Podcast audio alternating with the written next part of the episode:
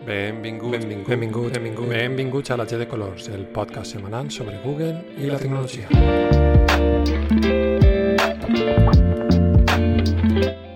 I estem així una setmana més, un any més, encara que amb un poc de retard per la setmana de vacances de Nadal, eh, així que m'aneu a disculpar que no hagi publicat el capítol el dissabte com estava previst, però, però el tenim avui dilluns 9 de gener de 2023.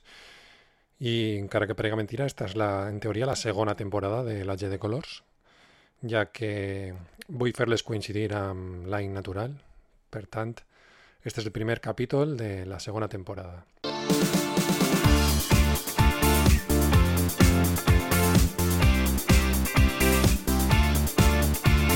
I vos preguntareu què s'anem a trobar esta segona temporada de la G de Colors. Escolta, Josep, què s'anem a trobar esta segona temporada de la G de Colors? Doncs més actualitat sobre Google i tot el seu ecosistema, més opinió sobre la meva experiència amb Google i amb la tecnologia, i anem a ampliar un poc eh, l'espectre de notícies a, a la tecnologia en general, no només a Google. Vaja, que ja t'has cansat de Google, no? Google continuarà seguint l'eix central de la G de colors, com no podria ser d'altra manera, sinó el podcast eh, s'anomenaria d'una altra manera. Però sí que volem eh, ampliar el focus, ampliar el focus perquè no s'entén Google sense, sense la resta de competidors, sense no només competidors, sinó socis i aliances eh, en, entre les grans empreses i, i també entre els usuaris, perquè els usuaris no són només de Google o només d'Apple o només de Xiaomi. Sobretot eh, pel que fa a Google, que és un, una empresa eh, molt eh, transversal en aquest sentit. També haureu notat que he intentat millorar el tema de l'edició, perquè es tracta de divertir-me jo, el, és l'objectiu número uno del podcast, i el número dos és que vos divertiu vosaltres. Així que jo crec que amb un poc d'edició eh, anem a fer el, el podcast un, un peliu més entretingut, si cau. I bé, sense més dilació, fem un xicot de repàs del més destacat de la setmana.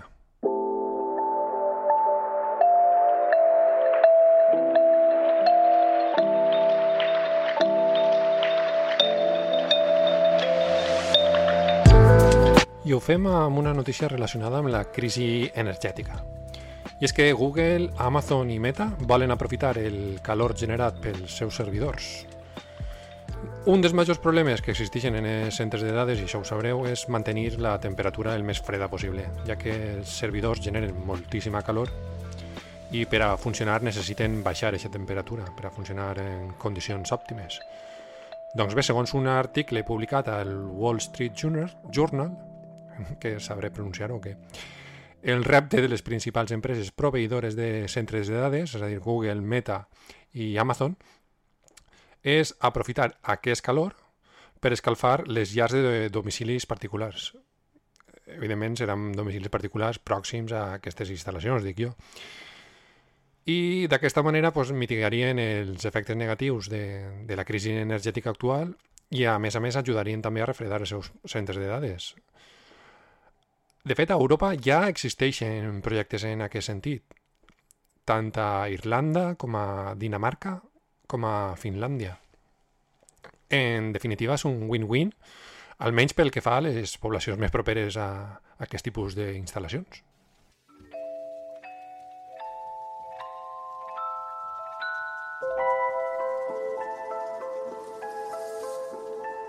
I deixem momentàniament el món de Google, perquè anem a passar a parlar d'una eina de codi obert, Home Assistant, perquè està siguent notícia esta setmana, perquè probablement serà el primer assistent a parlar i a entendre el català.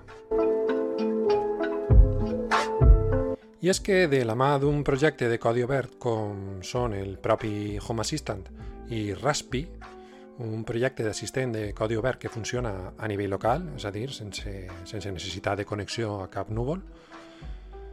Eh, de fet, des de Home Assistant han anunciat el fitxatge del, del propi desenvolupador de Raspi, que ara treballarà a Home Assistant a temps complet. Eh, jo crec que tindrem per fi un assistent en català. A casa, de fet, tinc un xicotet servidor amb Home Assistant, així que estic desitjant provar-ho el més aviat possible i només vos puc dir això, que seguirem de ben a prop este projecte i a veure si és de veres que per fi podem parlar-li al nostre assistent en català.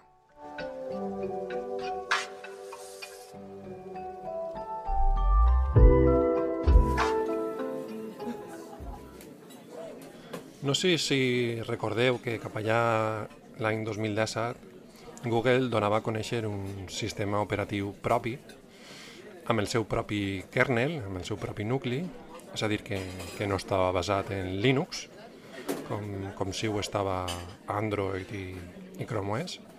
I trac este tema perquè sembla que 2023 torna a posar de relleu aquest sistema operatiu. Es tracta, com no, de fúcsia.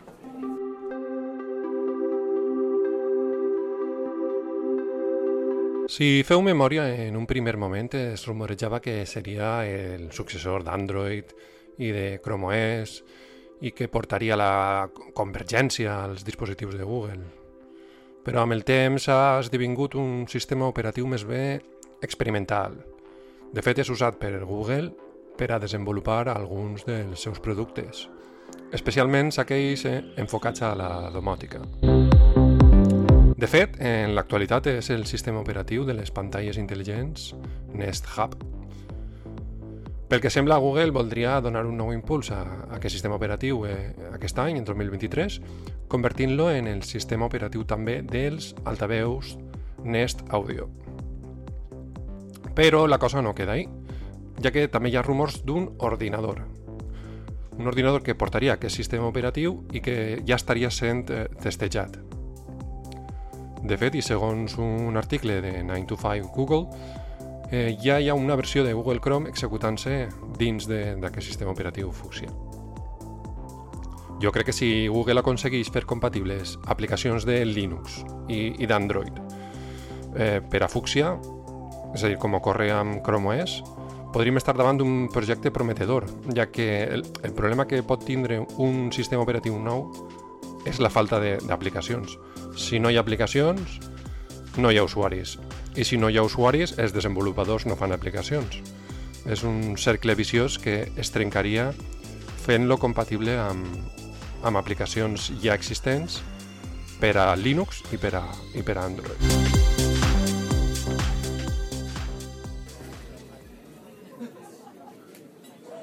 I abans d'entrar en el tema central d'esta setmana, un xicotet a punt, i és que sembla que MagSafe, entre cometes, podria arribar a Android. I és que al CES, al, CES 2023, s'ha presentat un nou estàndard de càrrega sense fil, el, el Qi 2. Es tracta d'una millora respecte a la versió anterior. Molt bé, eh? Ahí t'has lluït. Aquest nou estàndard incorpora una superfície magnètica que farà que la unió entre el carregador i el dispositiu siga més forta i estable. Vaja, el que, lo que ja té el MagSafe d'Apple. De fet, és que el problema de la tecnologia de càrrega sense fils, o un dels problemes de la tecnologia de càrrega sense fils actual, és que si el carregador i el dispositiu no estan completament alineats, la càrrega s'interromp. I, de fet, fa que, que el percentatge d'eficiència de càrrega sigui molt baixet. En canvi, la tecnologia d'Apple, el MagSafe, eh, va solucionar aquest problema ja en el seu moment i ara l'estàndard Qi 2 vol, vol fer el mateix amb, amb la resta de dispositius.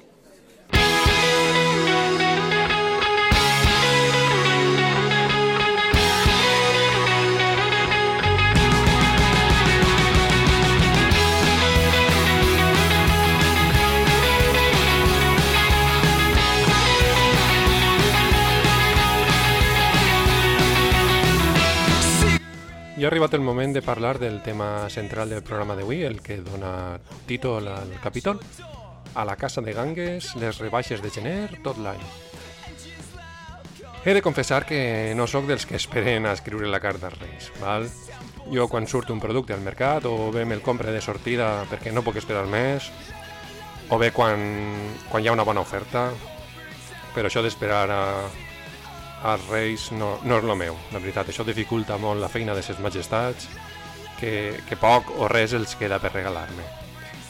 Però per això eh, vos vull parlar d'un parell d'eines que són les que a mi em serveixen per trobar les gangues tecnològiques o no tecnològiques d'allò que voleu comprar.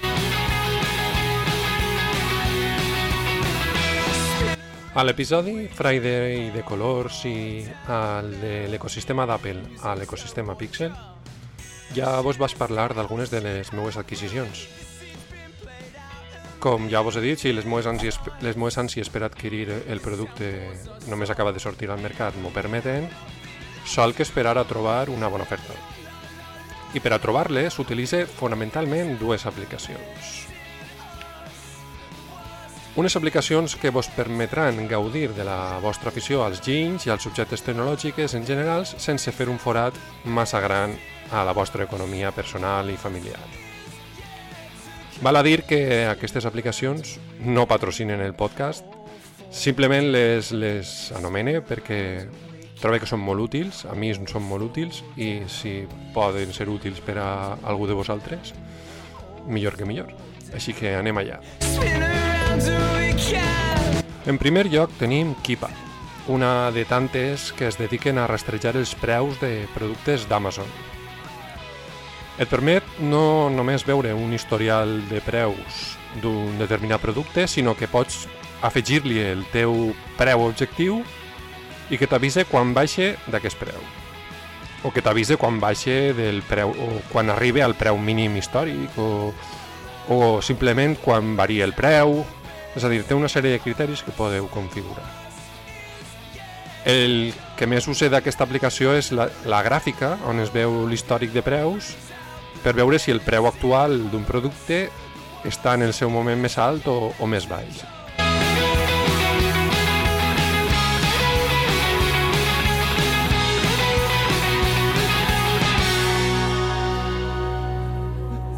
I la que és, sense dubte per a mi, l'aplicació més interessant de les dues és Choyometro. Es tracta d'una xarxa social on els usuaris publiquen i voten les gangues que troben tant a la xarxa com a tendes físiques. Això li, li dona molt de poder perquè no només tens productes d'Amazon, sinó que tens productes de qualsevol lloc d'internet i qualsevol tenda física inclús. Pots buscar productes manualment o afegir alertes amb paraules clau.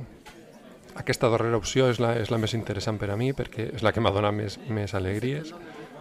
És a dir, que si no tens pressa per adquirir un producte, afegis-lo al sistema d'alertes i quan aparega alguna ganga sobre aquest producte, l'aplicació t'alertarà.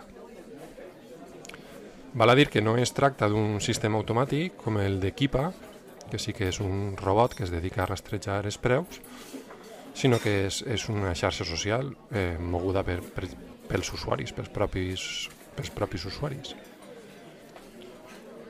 Així, per tant, tenim un factor humà, ja que són els propis usuaris els que publiquen les ofertes i són els propis usuaris els que avaluen aquestes ofertes i diuen si són realment una ganga o, o no. En la meva experiència personal funciona molt bé i, i ja he aconseguit importants gangues tant en productes d'Apple com de Google com, com d'altres que no són tecnològics, com ja he dit. I això és tot el que volia contar-vos esta setmana. Espero que vos hagi agradat. Recordar-vos que teniu tots els enllaços del que hem parlat a les notes del programa. Només em queda demanar-vos que ens deixeu una xicoteta valoració en Apple Podcast, en Google Podcast, en Spotify, allà on ens escolteu, per a que així més gent puga conèixer el programa. Ens podeu contactar a través del correu electrònic podcast arroba lagdecolors.cat i a Twitter i Mastodon som arroba lagdecolors. i recordeu, no sigueu malvats.